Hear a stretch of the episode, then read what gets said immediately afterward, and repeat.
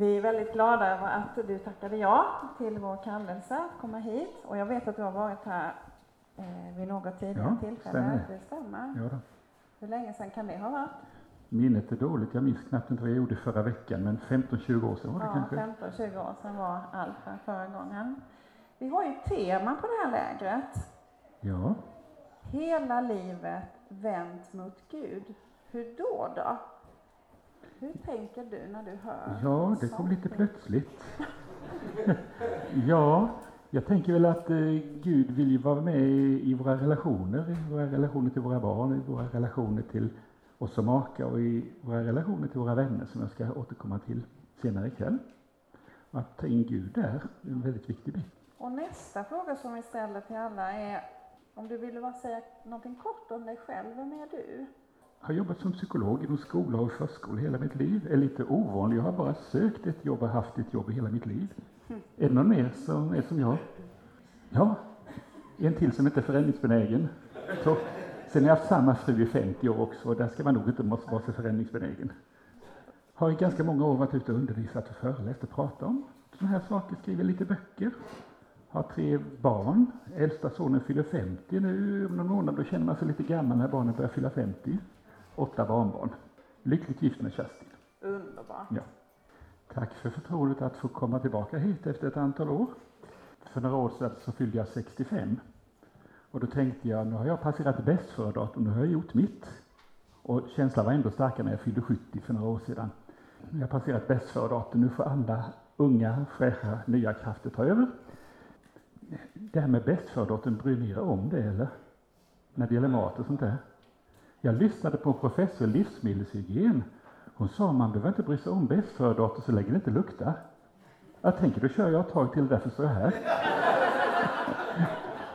Jag har visserligen kommit in i GTS-åldern, det kommer ni också komma in i när ni blir pensionär, GTS.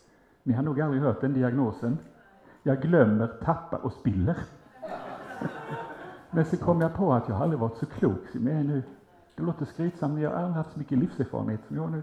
Och det gäller bara att komma ihåg den, den ska jag försöka dela med mig av.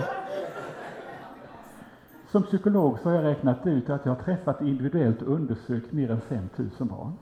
Och I de flesta fall så har jag träffat deras föräldrar också. Så jag kan nog utan överdrift påstå, jag har stött på alla bekymmer som föräldrar kan ha med sina barn i ett antal olika varianter. Och då upptäckte jag ganska tidigt att inte alla, men en del problem, de hade inte behövt uppstå. Och en del hade inte behövt bli så stora om föräldrarna hade fått lite mer stöd i sitt föräldraskap. Så istället för att bara sitta på mitt jobb och ständigt lösa problem som har uppstått så jag har varit ute en hel del och pratat om det här. Jag kommer att dela med mig av eh, de fyra, fem viktigaste sakerna jag har lärt mig under de här 40 åren eh, under en dryg timme. Jag kommer lägga upp det som jag brukar, att jag pratar 10 minuter, en kvart åt gången, för det är ungefär den tid som vuxna klarar av att sitta still och lyssna. I synnerhet när det är så här varmt. Vi gör en liten paus och då får du chansen om du vill under en eller ett par minuter att prata med någon som sitter jämte dig om vad du tycker och tänker om det jag har sagt. Gunilla som hälsar mig välkommen ska spela ett litet drama här sedan. Hon ska spela en sån här mesig mamma som har curlat sina ungar för mycket. Känner du till någon förälder där det är lite för mycket curling eller? Jag menar inte din egen familj, du kanske har kollat in någon annan här eller hemma i kyrkan där det är lite för mycket curling. Får vi se. Det här är vårt första barn, det ska vi träna uppfostran på. Jag vill påstå att vi har aldrig haft så mycket kunskap om barn som vi har idag. Om barns behov och barns utveckling. Vi har aldrig haft så många engagerade föräldrar. Gör man värderingsundersökningar och undersöker vad har hög status, att vara en bra engagerad förälder har väldigt hög status idag. Samtidigt vill jag påstå att vi har nog aldrig haft så många osäkra föräldrar som vi har idag. Jag har frågat många förskollärare som har jobbat 20-30 år, är föräldrar mer säkra? Nej, de är mer osäkra. Ja, och det inte, man blir inte klokare man lyssnar på psykologer. Jag vet inte om ni gör det, för en psykolog säger si och en annan säger så och en tredje psykolog har helt andra idéer. Och när jag föddes på 1940-talet skulle man fostra barn på ett visst sätt och idag på ett helt annat sätt. På 40-talet när jag föddes så skulle mammorna amma sina barn exakt var fjärde timme. Man stod där med klockan i hand, klockan 10, 2 och 6. Dags för amma oavsett om barnen var hungriga eller inte. Ni mammor som ammat era barn de senaste åren, är det exakt var fjärde timme ni har ammat dem eller? När har ni ammat dem då? Hela tiden, säger en del. För nu är det barnets behov som ska styra innan var det klockan. En annan sak som gäller små barn, ska man ta upp små barn när de ligger och skriker och gråter eller ska man låta dem ligga och skrika? Vad gjorde ni? Tog upp dem, ja. Jag frågade min mamma, vad gjorde du när jag föddes på 40-talet? Ja, du fick ligga och skrika, sa hon. Ja, det är väl därför jag har blivit som jag har blivit och jag tänkte det gick snett från början. Så då frågade jag henne som vuxen, varför tog du inte upp mig? Nej, men det sa barnläkarna på 1940-talet, man ska absolut inte ta upp små barn så fort de ligger och skriker och gråter, för då blir de, vad sa man? Bortskämda, ja, det har ni hört. Och inte bara det, de blir skrikiga och gnälliga och krävande resten av livet. Och vem vill ha sådana ungar? Inte jag i alla fall. Låt dem ligga och skrika, det är bra för sångrösten, sa man på den tiden. Har ni, har ni hört det? Och så tränar den sina lungor, sa man också. Går man till barnavårdscentralen idag och frågar man ska ta upp sitt lilla barn så kanske sköterskan tittar allvarligt på det och säger ta upp det med en gång för annars kanske det blir stört i sin personlighetsutveckling. Kanske får men för livet och får inte den här grundläggande tryggheten som är så otroligt viktig under den första tiden. Jag spetsar till det lite grann, förstår ni. När jag började jobba som psykolog tyckte jag många föräldrar var för stränga, de var för hårda. Då fanns det inget tal om barns rättigheter. De sista åren jag jobbade så tyckte jag det såg mer ut så här i många familjer. Hans Majestät barnet. Barnet som är kungen i familjen och föräldrar som betjänter som bockar och bugar. Hur blir sådana här barn egentligen? Är det några av er som jobbar som lärare eller förskollärare? Har ni stött på några sådana här barn? En vanlig kommentar, lärarna skäms nästan när de säger, men de säger odrägliga. Ganska egocentriska. Jag först. Ska alltid bestämma, har svårt att kompromissa. Det här lilla dramat som jag och Gunilla ska spela nu här, där ska jag försöka spela ett sånt barn och hon ska vara min mamma. Tycker inte jag har en väldigt ung mamma med tanke på min ålder? vi kan låtsas att jag är sju, åtta år. Vi ska låtsas att vi äter middag.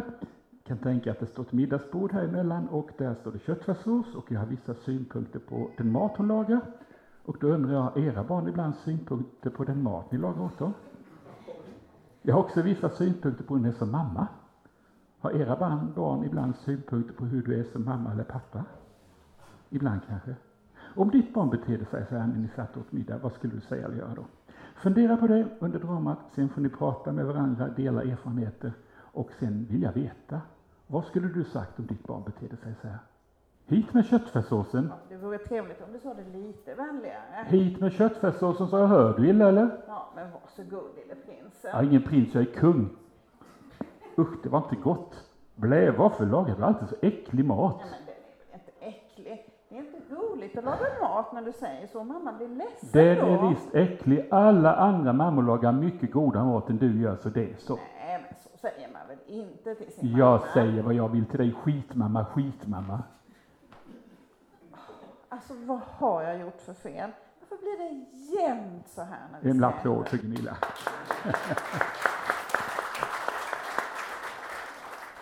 Om ditt barn betedde sig så här, skulle ni reagera ungefär som Gunilla gjorde, eller? Prata med varandra och jämför. Vad skulle du sagt eller gjort? Så vill jag veta det sen. Synd att behöva avbryta er. Ni får inte prata så länge, men det ska bli några gånger istället. Om vi tar det här lilla dramat från början. Om ditt barn skulle kommendera dig och säga hit med köttfärssåsen, hör du illa eller? Vad skulle du sagt då? Får jag lite förslag? Eller ni pratar om helt andra saker? Nej, vad skulle du säga? Det är inget fel på min hörsel. nej. Det kan vara ett svar. Vad skulle ni andra säga? Vad säger man, ja? Vad sa du? Så hoppas du att du ska ha ett sånt begåvat barn så det förstår själv att du skulle uttrycka sig lite vänligare. En del säger att du kan be lite vänligare och det kan man ju göra, men sen gör en del föräldrar ett misstag. De säger att du kan be lite vänligare, men så räcker de över köttfärssåsen innan barnet har bett på ett vänligt sätt. Men så du kan be lite vänligare så får de det ändå utan att be vänligt och lär de sig ingenting. Om dina barn sa att du lagar äcklig mat och att alla andra mammor eller pappor lagar mycket godare mat än du, vad skulle du säga då? Kila över till dem. Det är nästan alltid en pappa som säger det. Var det med nu också? Det är sällan mammorna säger det. Mammorna brukar säga, hur vet du det? Vems mamma är det som lagar så god mat? Ja, ni som inte är så tuffa så ni säger, nu kan du gå till dem och äta. Vad skulle ni andra säga om barnen sa att maten var äcklig? Det är den mat som finns, så passar det inte får du vara utan. En del föräldrar säger, man tycker inte om all mat, men man säger inte att mat är äcklig. Man kan säga, det var inte så gott. Minns ni, klagade ni på maten någon gång när ni var barn? Jag minns när jag någon gång klagade på maten, då började mina föräldrar prata om de svältande barnen långt nere i Afrika. Någon mer som har hört det? Oj, det var... Det kör ni inte med nu, va? Skicka den dit då, sa jag. Om ditt barn kallar dig för skitmamma eller skitpappa vid matbordet, vad skulle du göra då? Jag hörde inte. In på rummet, ja. Då skulle jag nog också säga, du kan komma tillbaka om en stund, jag vill ha musik först. Du kallar mig för skitpappa. Nu menar ju inte jag att vi ska vrida tillbaka klockan och bli auktoritära. Föräldrar ska inte vara auktoritära, men vi ska vara auktoriteter. Vi ska inte hamna i curlingdiket heller, utan vara någonstans mitt på vägen. Och jag ska försöka sammanfatta mina erfarenheter då efter att ha träffat 5000 barn med deras föräldrar. Det första när det gäller föräldraskap, det, det här med tiden. Jo, jag ska ta uppfostra våra barn om jag får tid över någon kväll. Hur har ni det med livspusslet? Får ni ihop det? Har ni balans i livet mellan jobb och familj och egentid? Det begreppet fanns aldrig när vi var barn. Egentid har kommit nu. Framförallt ni kvinnor har svårt att få ihop livspusslet. Man gjorde en undersökning här i Göteborgstrakten för ganska många år sedan, 10-15 år sedan. Man tog reda på hur länge föräldrar pratade med vart och ett av sina barn en vanlig vardag. Barn som gick på mellanstadiet, om man inte räknar med allt tjat, alla förmaningar, alla tillsägelser. Så det måste vara ganska mycket man räknar bort, eller vad säger ni? Tror ni det blir kvar tre kvart en timme per barn och dag? En halvtimme då? En kvart då? Fem, sex, sju minuter? Jag tänkte, det kan inte vara sant. Så jag har frågat ett antal tusen föräldrar på föräldraföreläsningar. De flesta säger som ni, det blir inte så många minuter kvar. Men jag tror inte det gäller de flesta av er. Vet ni varför? För det är alltid de bästa föräldrarna som kommer på sådana här föreläsningar. Sitter ofta längst fram också för att de inte ska missa någonting, eller hur? Ja, och lika synd om er som sitter där bak. Men det kanske gäller de andra som inte kom hit. Eller så pratar de med sina barn just nu. Ja, jag vet inte vad som är bäst. Det här med att få tid med sina barn, det handlar om att ta sig tid. Jesus var en väldigt upptagen man. Det sägs att han verkade vara offentlig i tre, fyra år. Och resultatet av de tre, fyra åren är miljontals kyrkor i hela världen. Så han var ju tvungen att prioritera ganska högt, stort. Och ni minns kanske berättelsen när mamman kom med sina små barn och ville att han skulle lägga händerna på dem. Just då höll han på att undervisa om en sak som var aktuell då, som är ännu mer aktuell nu. När det är läge att skiljas, det är rätt att skiljas, det höll han på att undervisa om då. Och han kunde säga, jag ska bara predika färdigt, jag får se om jag har tid sen. Men han tog sig tid med de här barnen. Har dina barn ibland hört, jag ska bara? Nu menar jag inte att vi alltid ska lämna allt så fort, så fort de vill någonting. Men jag brukar säga, du måste inte prata med dina barn en timme om dagen förutom tjat, men försök att komma upp i en kvart i alla fall. Helst varje dag eller kanske några gånger i veckan. Då du inte gör något annat. Du kollar inte på Facebook, du lagar inte mat, du gör något annat. Du är helt fokuserad. Och jag kan lova dig att tycker du det här är viktigt så har du tid med, med det. För det du tycker är riktigt är viktigt i ditt liv, det har du tid med. Faktiskt. Några små tips man skulle kunna komma upp i den där kvarten, det gäller väl att passa på att prata med barnen när de har tid och lust att prata med oss. Har dina barn alltid tid och lust att prata med dig när du vill prata med dem? När de kommer hem från skolan eller förskolan och du frågar hur har du haft i skolan idag? Får ni några sådana här långa redogörelser då? Vad säger de då? Bra, som vanligt. Det har jag glömt. Eller som någon kille sa, inte nog med att jag haft en jobbig dag i skolan, när jag kommer hem så ska jag berätta om det också. Så tror jag era barn känner det ibland. För så har jag känt det många gånger när jag kom hem från mitt jobb och min fru frågar mig sådär intresserat, hur har du haft det på jobbet du Alf? Bra. Jobbigt, stressigt. Jag vet inte om det beror på att jag är man, men jag tycker det är en bra, kort och koncis sammanfattning av hur min dag har varit. Och jag har oftast inget större behov av att berätta mycket mer. Men min fru hon är inte alls som jag. Vad tror ni händer när jag ställer en kort enkel fråga? Hur har du haft det på jobbet idag Kerstin? Vad händer då? Kan ni räkna ut det? Ja, då kommer kratten, ja. Får en kvart, 20 minuters lång redogörelse över allt vad hon har sagt och gjort och tänkt och tyckt och känt fastän det har varit en helt vanlig dag och inget särskilt har hänt. Så ibland tror jag att Gud har skapat min fru på så, så sätt hon måste uppleva varje sak två gånger. Först är hon med om det, så måste hon berätta om det i detalj. Alltså jag orkar inte lyssna, jag orkar inte. Är jag ensam om det? Hur många av er kvinnor har en man som är jättebra på att lyssna för det allra mesta när du berättar hur du har haft det på jobbet? Vill ni räcka upp handen? Där har vi en, två, tre. Ja, det var, några, det var lite fler än det brukar vara. Ja, det är det. Och det är faktiskt min frus bästa kärleksbevis, det är faktiskt att jag lyssnar på henne. Och inte kommer med en massa goda råd. Nej, Vet ni när en man lyssnar så är det bara en liten del av hjärnan som är aktiv, har ni märkt det? Det är problemlösningshjärnan. Vad är det för problem hon presenterar, vad ska vi göra åt det? Och så vill hon att du bara ska lyssna till det, börja med först långt senare, komma med lite kloka råd. Ett annat sätt är att leka. Och jag tror att föräldrar i min generation kanske har lekt mer med barnen än man gjorde förr.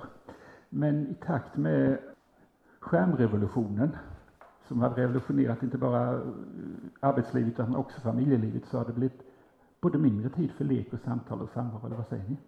Vi ska återkomma till det. Ja, ett annat sätt att vara tillsammans, att låta barnen hjälpa till. Jesus tog barnen i anspråk, pojken med kornbröden och fiskarna. Måste era barn hjälpa till med någonting hemma eller håller ni på att curla dem hela tiden? Måste de hjälpa till? Kan jag få några exempel på vad dina barn faktiskt måste hjälpa till med? Duka? Städa? Bära in tvätt? Ja. Bära in ved, vem sa det? Ni tycker inte ni håller på med barnarbete? Ja, det var en pappa som bad sin pojke hjälpa till i trädgården och då sa han det är ju barnarbete, det är förbjudet. Det har fröken sagt i skolan, det står i FNs barnkonvention. Då svarade pappa och att det är inget barnarbete för du får ingen lön. Ja, det är slavarbete då, sa han. Nu visar många undersökningar att flickor får ofta hjälpa till mer än pojkar. Vi kanske ber dem av gammal vana, det kanske är lätt att övertala dem, men alla ni mammor som har pojkar, tänk 20-30 år framåt i tiden, tänk på era söners blivande fruar. Så inte de får samma situation som en del av er kvinnor har, trots decenniers debatt om jämställdhet. Får jag fråga hur många av er kvinnor är helt nöjda med arbetsfördelningen hemma mellan dig och din man? Vill ni räcka upp handen, ni som är helt nöjda? Vi som är pensionärer Ja, annars, det var ingen majoritet. Hur många av er män är nöjda? Då upp med handen för att se. Det kom väldigt snabbt där.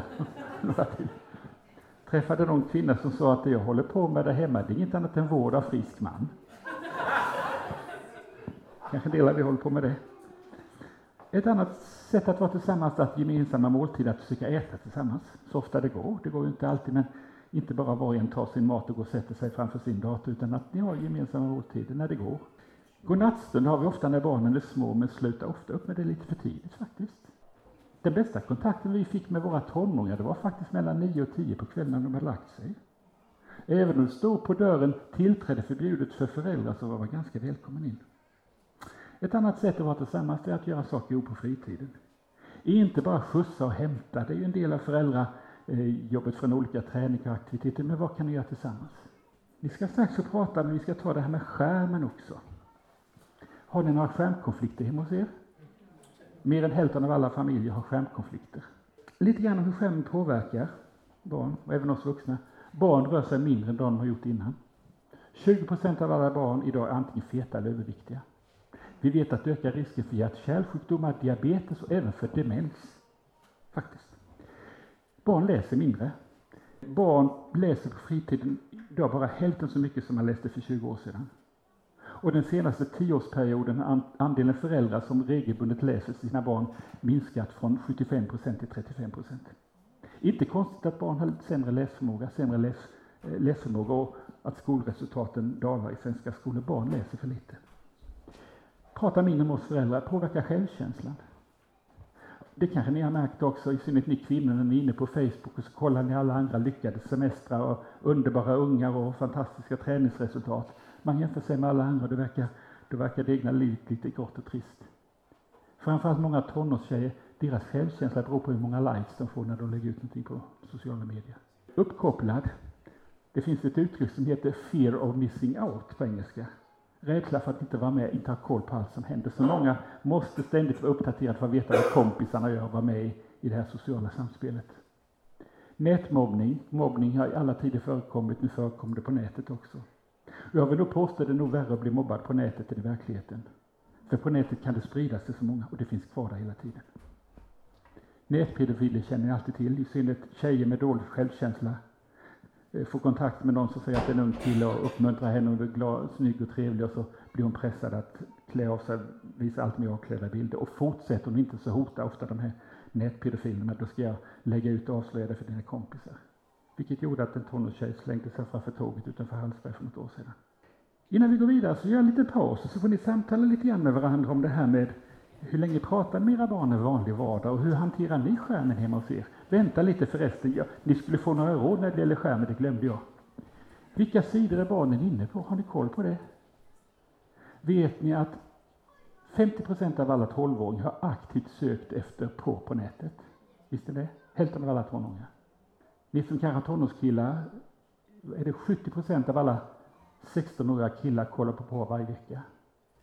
10 procent av dem kollar på porr varje dag. Sen finns det mycket annat också, nazistiska sidor, sidor som uppmuntrar till självskadebeteende, man får lära sig, man tar livet av sig. Skärmfria zoner, jag tycker matbordet borde vara en skärmfri zon, tycker ni det? Både barnen och mamma och pappa skulle inte få ha någon skärm vid matbordet. Jag tycker när man har lagt sig, när barnen har lagt sig, så skulle det vara en skärmfri zon sängen också. Och jag tycker många, många, många gifta par, sängen skulle vara en skärmfri zon. I många familjer ligger man med och pillar på sin skärm, men man pillar på varandra när man har lagt sig. Eller hur? Ni behöver inte tala om ni som gör det. Skärmfria tider. Det finns vissa familjer, man har en skärmfri dag i veckan, eller en skärmfri kväll i veckan. Varken mamma eller pappa eller barnen får vara inne på en skärm. Andra har en viss tid, vissa dagar, men det är tiden så är det en skärmfri zon. Var och en får hitta det som passar dem. Vi frågar ofta barnen, hur har du haft i skolan idag? Idag borde det vara lika motiverat att fråga, hur har du haft det på nätet idag? Vad har du sett? Vad har du varit med om? Har du sett något som är otäckt? Har du läst någon, någon som har någon negativ, som mobbar någon annan? Man borde ha vissa regler, vissa sidor får man inte vara inne på. Man skriver inget negativt till någon kompis, man vidarebefordrar inte heller sådana såna meddelanden man får. Nu får ni samtala lite grann om hur länge pratar du med dina barn en vanlig dag och hur hanterar ni det här med skärmen och allt det där? Varsågoda.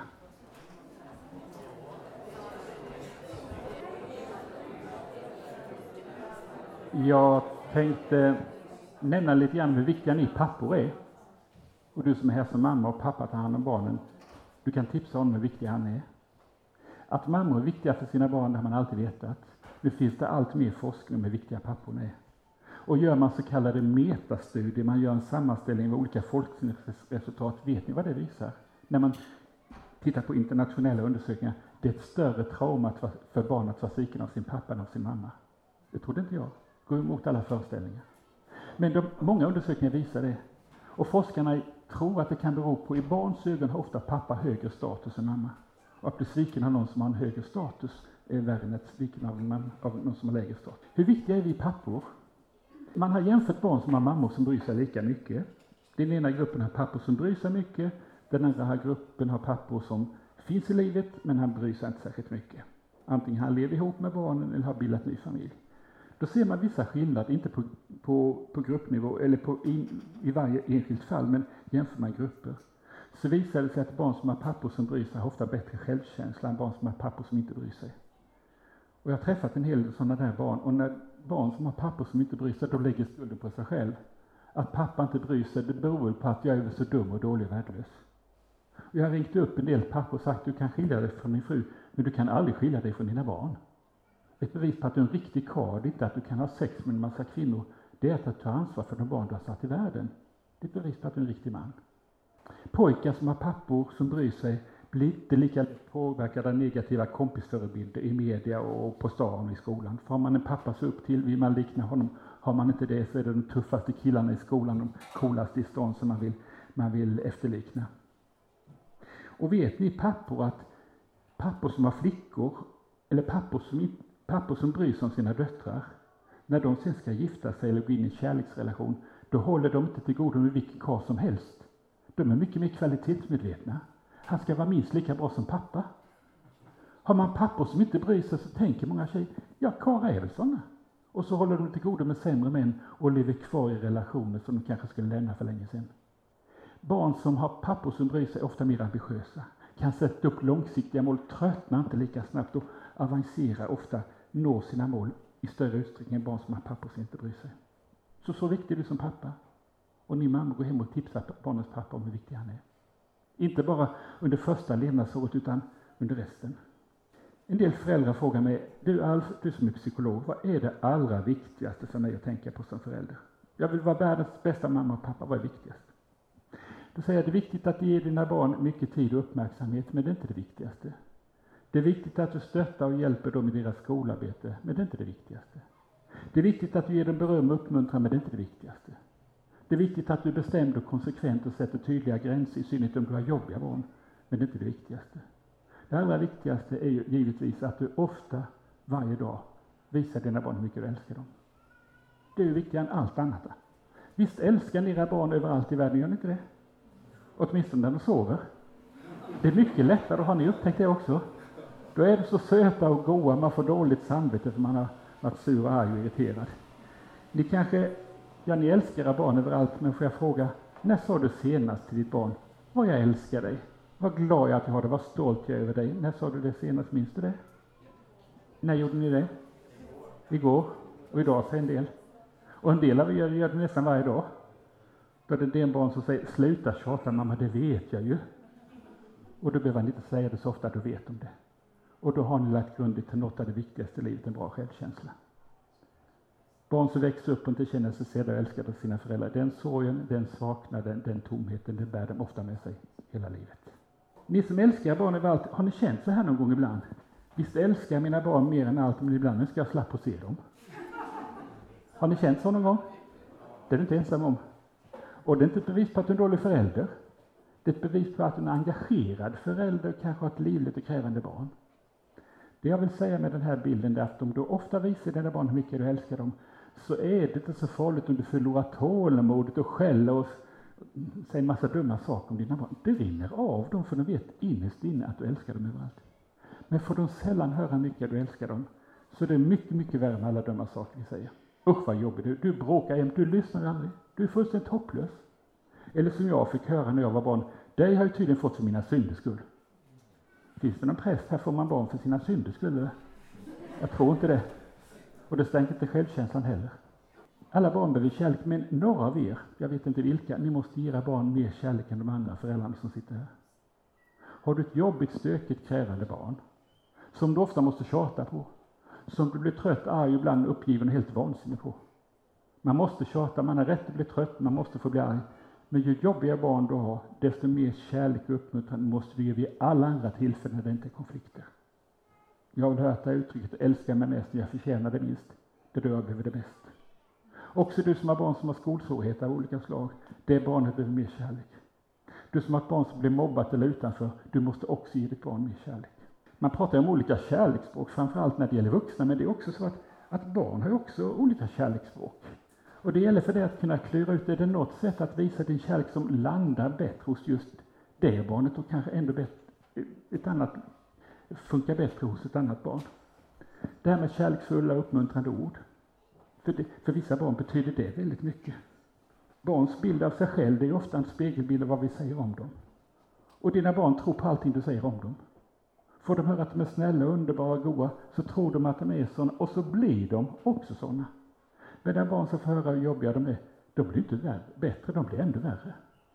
Det vi säger till våra barn blir ofta självuppfyllande profetior. Det blir så som vi säger att de är. Man har satt mikrofoner på barn och kopplat dem till bandspelare och spelat in antalet positiva kommentarer de får hemma i skolan och i förskolan och antalet negativa. Jag tror det är ganska jämn fördelning mellan positiva och negativa.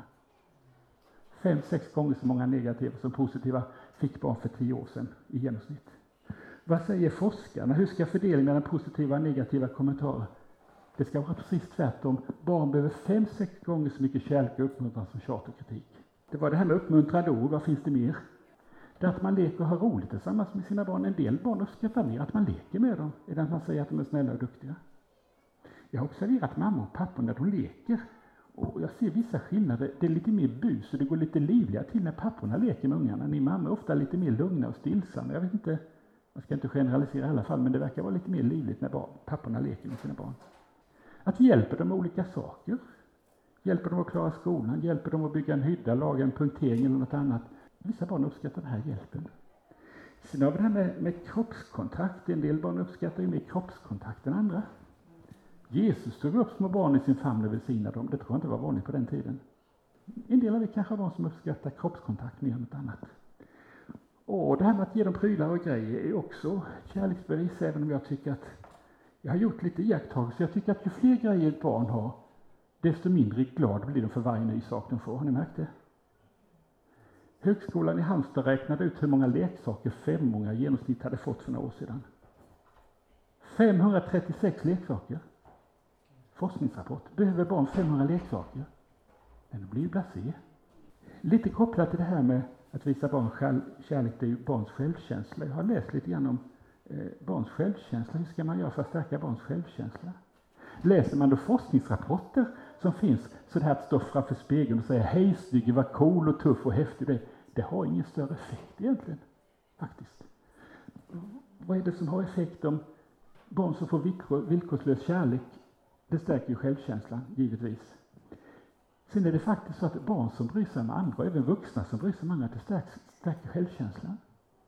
Varför det? Jo, om du uppmuntrar dina barn att vara en bra kompis, ställa upp för andra, så får du mycket positivt tillbaka, det stärker deras självkänsla. Så ska man få en bra självkänsla ska man bry sig mer om andra än att stå och peppa sig själv. Barn och även vuxna som lever efter sina värderingar får en bättre självkänsla. Så när dina barn får några år på nacken, samtal med dem om hur ska man leva, hur ska man vara för att man ska vara en bra människa? Och då kan man ha olika värderingar. Tycker ditt barn att det är viktigt att vara bra i idrott och bli det, då stärker det självkänslan. Tycker ditt barn att det är viktigt att vara en bra kompis, så stärker det självkänslan. Så hjälp dina barn när de blir äldre att identifiera hur ska man leva för att vara en bra människa och uppmuntra dem att leva så, så stärker det självkänslan. Det är också så, barn är älskade och lika värdefulla oavsett vad de presterar. Men när man uppmuntrar barn att anstränga sig, att använda de gåvor Gud har gett dem, så stärker det självkänslan faktiskt. Det gäller att lära se misslyckande som inlärningstillfälle. Kan ni göra det? Har ni misslyckats någon gång? På jobbet också? Och ni fick inte kicken, ni fick vara kvar? Då har ni en klok chef, då, då har ni lärt er någonting av era misslyckanden. Det gäller att lära våra barn när de misslyckas i skolan eller i relation. Vad kan du lära av det här misslyckandet? Och sen, du kan lära mig något nytt. Det gäller också att hjälpa barn att göra det de är rädda för. Barn är väldigt olika. En del är framåt, orädda, bara rusar fram genom livet. Andra är redan från början försiktiga, ängsliga, lite försiktiga, vågar knappt inte ta några nya steg, nya initiativ. Och det värsta är om sådana barn hamnar hos överbeskyddande föräldrar som bara tar barnen under sina vingars beskydd.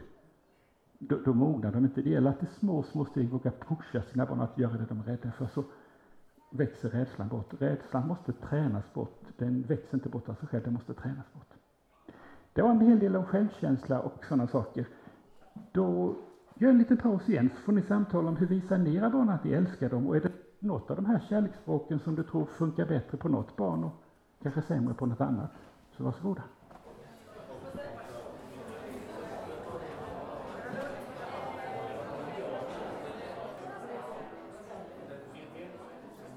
Det är två saker till jag tänkte ta upp här. Det ena är konsten att bli arg. Innan vi fick barn visste jag precis hur man skulle uppfostra barn. Nu har vi två barn och vet inte alls vad vi ska göra. Det är lätt att bli arg, eller hur? Men att bli arg på rätt sätt är en konst. Blir ni arga på era barn ibland? Visar ni det också? Ångrar ni er efteråt? Ja, nej, ibland. Det var lite delade svar. Kan man vara en jättebra förälder och ändå bli jättearg på sina barn ibland? Som tur är. Men bara under två förutsättningar. Du får inte bli jättearg varje dag. Du ska ransonera det där. Sen måste du bli arg på rätt sätt också. Du kan bli arg på ett sätt som gör att ditt barn får sämre självkänsla, problemen bara växer och er relation blir mer negativ. Men sen kan du också bli arg på ett sätt som gör att ditt barn får inte sämre självkänsla. Problemen minskar och er relation blir bättre. Så då undrar du givetvis hur blir man arg på rätt sätt? Psykologer brukar bara säga du får inte bli arg på dina barn, men de talar inte om hur man ska bli och hur man ska göra istället. Jag har några små ord. Bibeln säger vredgas men synden inte. Du får gärna bli arg, men se till att du inte kränker. Så du får bli arg, fastän du är kristen och from. Men hur ska man bli arg på rätt sätt?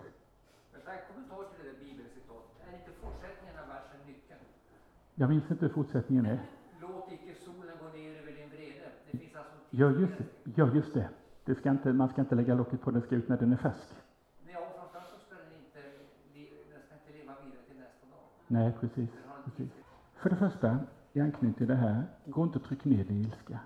Gå inte och lägg locket på och behärska dig timme efter timme, dag efter dag. Har ni varit med om det? Vad händer när man har gått och behärskat sig för länge och den ena irritationen lagt sig ovanför den andra? Vad händer? Man exploderar. Och oftast en liten skitsak, eller hur? Det är droppen som får bägaren att rinna över. Och det är ofta då när man har gått och behärskat sig för länge som man överreagerar.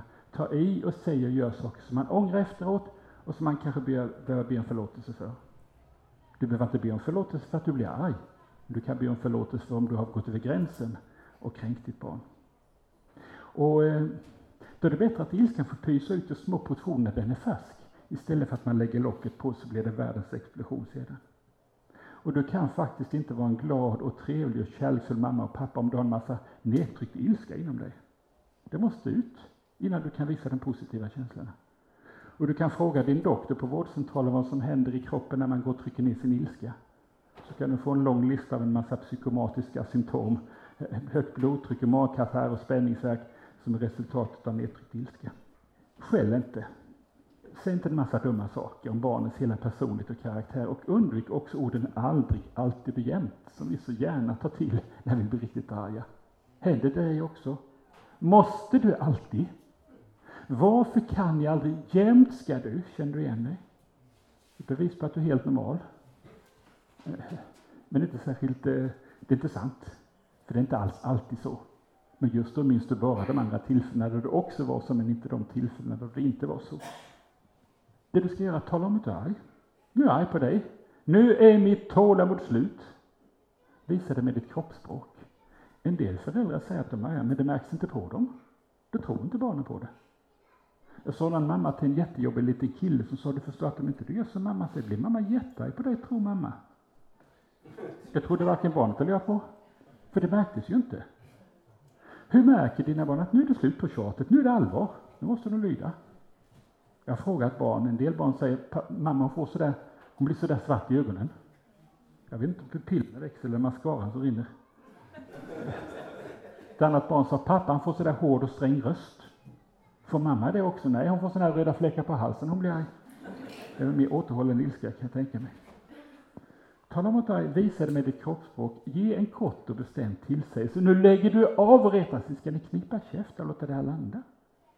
Men det är inte så lätt när man har fått upp ångan och är i gasen, då kommer man en massa predikningar och föreläsningar och ställer sådana här frågor. varför gör du så här? Varför kan du aldrig lyssna och göra som jag säger? Händer det ibland att du ställer sådana frågor? Får du några kloka, intelligenta och fylliga svar? Men varför frågar ni då? Du får inga svar, det är inte meningsfullt. Ja, man uttrycker sin vanmakt och sin frustration.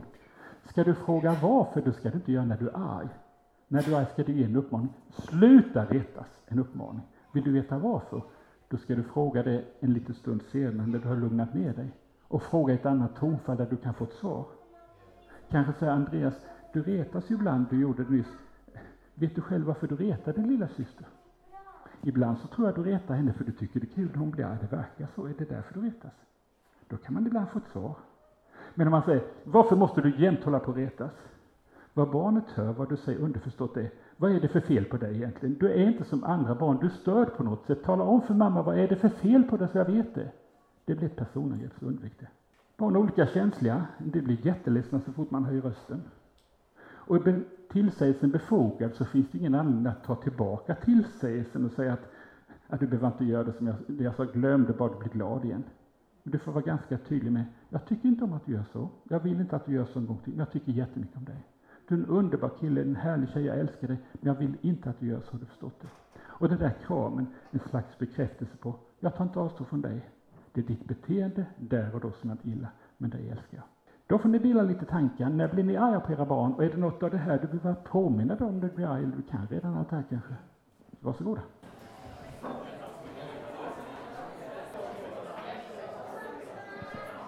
Ja, då kommer vi till den, eh, till den sista punkten, men kanske den allra viktigaste punkten.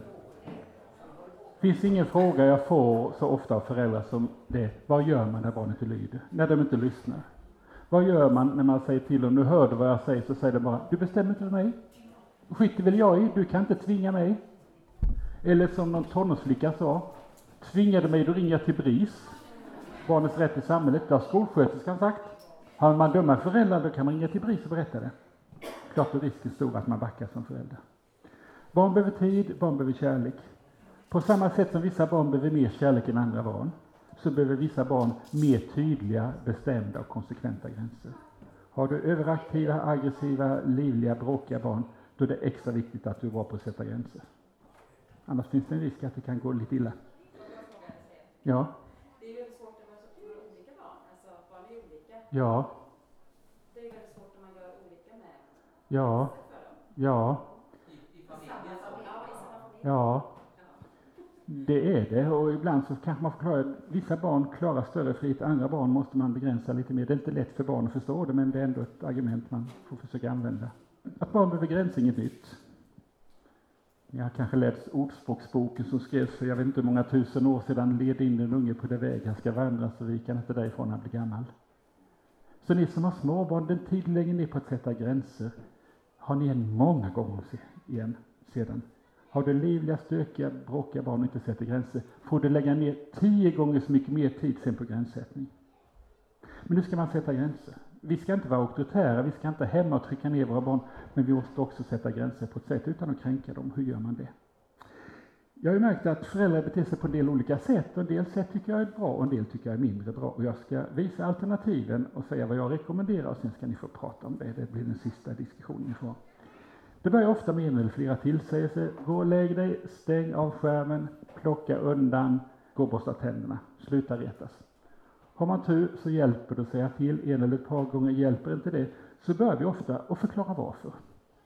Det gjorde inte föräldrarna när jag var barn för 60-65 år sedan. Man förklarade inte varför, man bara gav kommando, nu gör du så här. Ofta vågade man inte fråga varför, men om man frågade varför det då? Då fick jag alltid svaret, därför att jag har sagt det. Tig och lyd, det var liksom inga förklaringar. Men det har skett en väldig skillnad. Vet ni att föräldrar idag, svenska föräldrar idag, lägger ner mer tid på att förklara varför än föräldrar i något annat land i hela världen? Vi har världsrekord på att förklara varför. Vi pratar och pratar och pratar och pratar. Missförstå mig inte, det är bra att förklara varför en liten stund. Men det går inte alltid att prata alla barn till rätta. Det finns något som man kallar för det intellektualiserade föräldraskapet. Man tror att man med intellektuella argument alltid ska kunna övertala barn att de bör göra som man säger. Det funkar inte alltid. Har ni alltid lyckats prata era barn i säng genom långa föreläsningar om femåriga sömnbehov? Nej, men det skiter de i. Så förklara gärna varför en liten stund, men håll inte på för länge. Hjälper det inte att förklara varför så börjar vi ofta tjata. Känner ni er tjatiga ibland? Många nickar. Tycker ni det hjälper särskilt bra att tjata? Nej, varför tjatar ni så mycket då? Alla ni som tjatar mycket, jag har funderat mycket på det. Ge mig några bra svar. Varför tjatar vi så mycket trots att det ofta inte hjälper särskilt bra? Varför håller vi ändå på så mycket? Det kan ju ändra sig. Ja, då kanske du tänker som den här mamman. Varför tjatar du egentligen? Jag har inte gett upp hoppet än. Då måste det väl vara så att alla föräldrar som tjatar väldigt mycket, ni har en väldigt positiv människosyn. Ni tror att en förändring är möjlig på lång sikt, det gäller bara att ligga i och tjata. Så istället för att tänka usch vad tjatig jag är, då förlorar du den lilla energi du har. Så kanske du ska tänka oj vilken positiv människosyn jag har, så får du energi kan tjata ett tag till. Men det finns fler skäl till att vi tjatar så mycket trots att det inte hjälper så bra. Kan ni ge mig några mer skäl till varför vi tjatar så mycket? Ja, ofta tjatar man är trött. Man orkar inte. Ofta tjatar man på utandningen. Varför kan du aldrig göra som jag säger? De bryr sig inte för de märker att luften har gått ur dig. Du orkar inte tjata mer, du behöver inte bry sig. Du tröttnar. Sen tjatar man väl ofta för man vill inte bli sådär arg. Man vill inte höja rösten och tvinga sig att nu är det du som gör som jag säger. Så då tjatar man och säger, nej men snälla du, hör nu vad jag säger. Och så ber man en stilla bön och hoppas att de ska göra som man säger så man slipper bli sådär arg. Nu generaliserar jag lite, men jag har en känsla av att ni mammor, ni tjatar ofta väldigt mycket medan ni gör en massa andra saker samtidigt som ni har svårt att lämna. Vi står där i köket, gå och lägg dig, har du borstat tänderna, hör du vad mamma säger? De bryr sig inte för det bara glappa i munnen på mamma, hon kommer inte, hon har så mycket annat att göra. Men sen har de lärt sig att när mamma får den där gälla rösten, då kommer hon, så då måste man göra som hon säger. Då händer det saker. Ett alternativ till tjat är ju en kompromiss. Och ju äldre era barn blir, desto mer måste ni kompromissa. För ju äldre de blir, desto mer ska de bestämma och desto mindre ska du bestämma. Men man får ibland börja kompromissa redan när ett par, tre år. Har ni inte gjort det? I maten. Tre skedar till. Två tuggor till. När de ska plocka undan, okej, okay, jag hjälper dig med det, men det får du plocka undan själv. Nu kan man inte alltid kompromissa med allting, och jag återkommer till det. Ja, när det inte hjälper att tjata så blir en del arga, och hjälper det inte att bli arg så blir en del ändå arga, börjar skälla medan andra börjar hota. När jag föddes och växte upp på 40-talet var nästan alla mammor hemma. En av de vanligaste hotet i de flesta familjer på 40 och 50-talet det var Vänta bara till pappa kommer hem ska du få se. Då hade vi pappor bara två uppgifter i livet. Försörja familjen och komma hem och uppfostra barnen när de inte hade lyft mamma. Hörni, ni mammor, ni hotar inte med pappa nu för tiden, va? Gör det? Ibland kanske. Men Jag vet en del pappor som säger vänta till mamma kom hem ska du få se. Så ska hon vara den strängen när inte han klarar att sätta gränser. Hörrni, om jag hade gått ut och frågat era barn i olika åldrar, vad brukar mamma och pappa hota med när du inte lyder och gör som de säger? Så jag har gjort statistik och visat er här de vanligaste hoten. Vilka är de fem vanligaste hoten idag? Om inte, skärmtiden, ja. Godis har alltid funnits och veckopeng. Vad är det mer man hotar med skärm, lördagsgodis och veckopeng? Lägga sig tidigt, ja. Gå in på rummet. Man drar in en rolig aktivitet. I november och december så brukar många föräldrar hota med att tomten inte kommer. Har, har ni gjort det? Det var någon mamma som sa jag hotar med tomten i januari också. Nej, men det går inte att hota ett år framåt. Nej, jag hotar bakåt, sa hon. Ja, vadå, jag säger inte snäll så kommer tomten tillbaka och tar tillbaka julklapparna. Så det kan man förlänga tomtehotsäsongen med en månad. Nu kommer två personliga frågor till er och jag skulle uppskatta att ni räcker upp handen och är sanningsenliga. Hur många av er har ibland, mer eller mindre ofta, hur många av er har ibland hotat era barn med olika saker? Vill ni räcka upp handen, ni som har hotat? Du är i gott sällskap, det är nog 90 procent. Nu har jag en fråga till, till dig som räckte upp handen. Hur många av er brukar nästan alltid, hur många av er brukar i minst åtta eller nio fall av tio genomföra era hot om barnen inte lyssnar och gör som ni säger? Vill ni räcka upp handen, ni som nästan alltid genomför? Det kom två pappor och tre, fyra mammor, ja. Så är det nästan alltid. Nästan alla hotar, men eh, det är nog bara 20 procent som nästan alltid genomför. Hjälp mig, försök komma på tre, fyra, fem olika skäl till varför genomför vi ofta inte det vi har hotat med, trots att barnen inte bryr sig om vad vi har sagt. Varför, varför, varför blir det tomma hot? Hjälp mig. Ja, att hota med att tomten inte kommer, hur många av er klarar att genomföra det? Julafton utan julklapp eller blir ett minne för livet. Barnen glömmer aldrig den julaftonen. Dumma hot. Fler skäl till att inte genomföra hoten. För långt fram i tiden. Och då kan två saker hända. Antingen har man glömt bort det, eller så är man inte arg längre. Och då är det jättesvårt att genomföra. Man tycker synd om dem. Man klarar inte att göra dem så ledsna, så att säga. Ja, det finns fler skäl till att vi inte genomför våra hot. Nej, då blir det bråk då med. Och efter den här dagen på jobbet, jag orkar inte, jag skiter det får vara så. Eller så drabbas man själv. Man säger varm sommardag som den här, ja då åker vi inte och badar, och så vill man själv jättegärna åka och bada. och kan inte lämna ungarna hemma. Eller så kanske man inte genomför, man är tveksam till, ska man egentligen hota barn? Och jag ska strax säga vad jag tycker. Nästan alla hotar, nästan alla mutar också. Va? Men det är både morot och piska. Om du mutar så ska du muta på rätt sätt. En del föräldrar säger så här, om du plockar undan så läser en saga. Då kan du själv bestämma om de ska plocka undan eller inte, det vill du väl inte? Så säg inte om du plockar undan så, så händer det, utan du ska säga, nu ska du göra det här, men när du har gjort det, då så. Inte om, nu ska det göras, men när det är gjort. Ja, en del tjatar sig man upp för man orkar inte. Och då anklagar man barnen som det är deras fel. Ja, det kanske ibland beror på att det är du som har svårt att sätta gränser. Vad ska man göra? Säga till, förklara varför, kompromissa ge ett alternativ. Och man får ju bestämma lite grann vilka konflikter man ska ta med sina barn. Är det några av er som har envisa, viljestarka barn hemma? Det var rätt många, hörni. Hörni, bestäm vilka krig ni ska utkämpa. Det kanske ni redan har gjort. Vilka konflikter ska du ta? Mitt råd till dig som har viljestarka barn, sätt dig ner en kväll när barnen har somnat. Skriv upp på ett papper tillsammans med din partner om du har någon. Typiska konflikter du har med ditt viljestarka barn en vanlig vecka. Kanske 5, 10, 15 konflikter som ofta återkommer. Bara skriv dem rakt upp och ner. Sen ska du sätta dig och rangordna de här konflikterna och skriva, skriva siffrorna 1 till 15 framför de här. Och har du ett viljestarkt barn så kanske du ska strunta i många konflikter som man normalt har med barn. Det, det bara förpestar tillvaron. Välj ut de tre, fyra viktigaste konflikterna. Ta dem, men ge dig inte när det väl har börjat. Så mitt råd till dig med viljestarka barn, ta färre konflikter, tänk i lugn och ro ut vilka du ska ta och ger det inte. För man, har man envisa barn måste man vara lite mer envis själv, annars så får de lätt övertaget. Hjälper det inte att förklara varför får man säga till lite mer bestämt. Man behöver inte vara sträng, men man kan vara bestämd. Nu hör du vad jag säger. Chansen är större när man säger varför kan du aldrig lyssna? Hjälper det inte att säga till bestämt, då tycker jag man får ge barnet ett ultimatum. Är detta samma sak som hot? Jag brukar skilja på ultimatum och hot.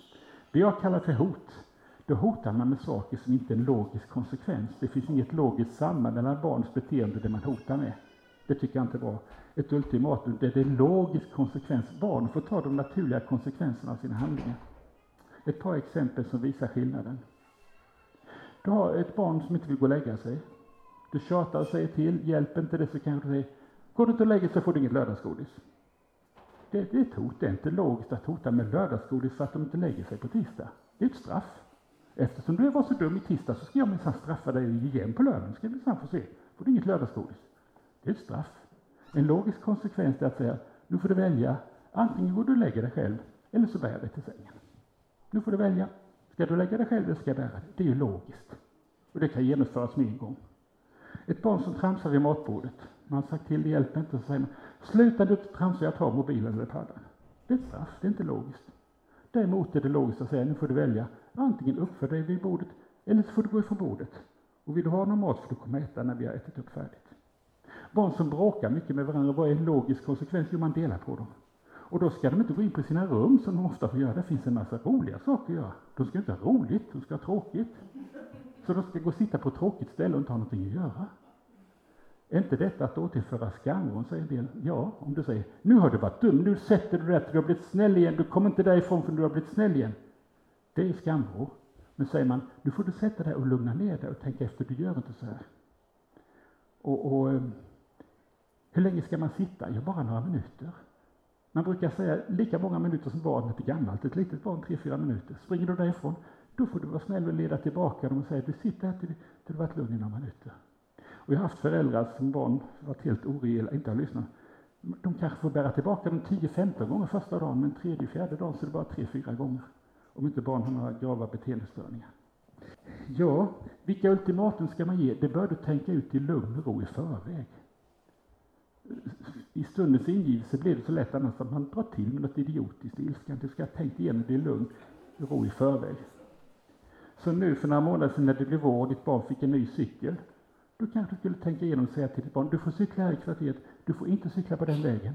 Och se att du cyklar på den vägen, då kommer jag låsa in cykeln en vecka. Det är en logisk konsekvens. Innan vi strax avrundar här så måste ni få samtala med varandra om vad gör du när dina barn någon gång inte gör som du säger? Är det så många föräldrar som åker ni slalom här, beroende på vilken dag det är, vilket humör du är på, hur mycket tid du åker du har, så dela gärna med varandra. Vad gör du när dina barn inte gör som du säger? Varsågoda.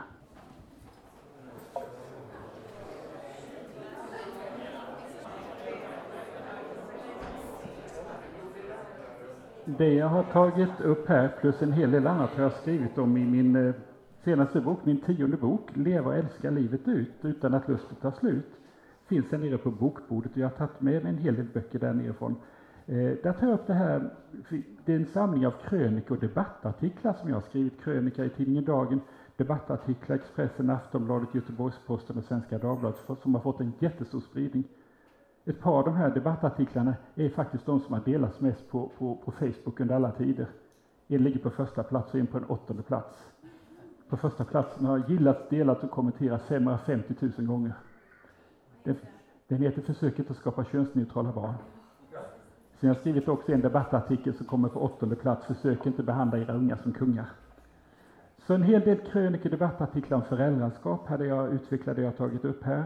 Lite annat som gäller föräldraskap, hur pratar man med barn om Gud? Hur vägleder man sina barn så att får en tro som håller? För det är så tragiskt att så många barn som växer upp i kristna familjer lämnar kyrkan ibland också Gud. Och där kan du som förälder göra en del också Stå också ni som har tonåringar, hur talar man med tonåringar om sex? Så får vi ett alternativ till RFSUs kondomutdelningar. Det finns mycket annat också. Det jag ska ta upp ikväll, kärlek och vänskap livet ut. Hur lyckas man, hur får man till det? Det finns en del krönikor man upptäcker sina gåvor och talanger, hur man hittar sin livsuppgift och en hel del andra saker också. Det som jag har tagit upp just här finns i den här boken Våga vara förälder som har funnits i några år. Båda de här plus några andra finns där nere vid bokbordet, men inte så många. Så vill du ha chansen att verkligen få tag på en bok så kan du ta med dig någon ut härifrån och så vid bokbordet antingen swishar du eller skriver upp ditt namn där nere. Här tror jag kostar 210, de här kostar nog 99. Till sist hörni, ni måste inte vara perfekta föräldrar. Du måste inte alltid prata med dina barn en kvart om dagen. Du kan brusa upp och säga lite dumma saker, det är inte så farligt. Du orkar inte alltid vara så bestämd och konsekvent. Man måste inte vara perfekt. När jag var nybliven psykolog så trodde jag man måste vara sådär jättebra. Så jag kollade hur grannar och vänner, vänner och släktingar uppfostrade sina barn. Så jag tänkte, du milde tid, när ska det här, hur ska det här sluta? Som tur var sa jag ingenting och det är jag väldigt tacksam för idag. För nu har jag upptäckt att man måste inte vara perfekt. Jag upptäckte att halvbra föräldrar får jättefina ungar. Och kommer du inte ihåg någonting från den här föreläsningen, den här seminariet när det gått ett halvår, så hoppas jag allra helst att ni ska komma ihåg mina sista ord som just blir de här att halvbra föräldrar får faktiskt jättefina ungar. Sen är ni välkomna tillbaka ikväll. Då handlar det om kärlek och vänskap. Tack ska ni ha.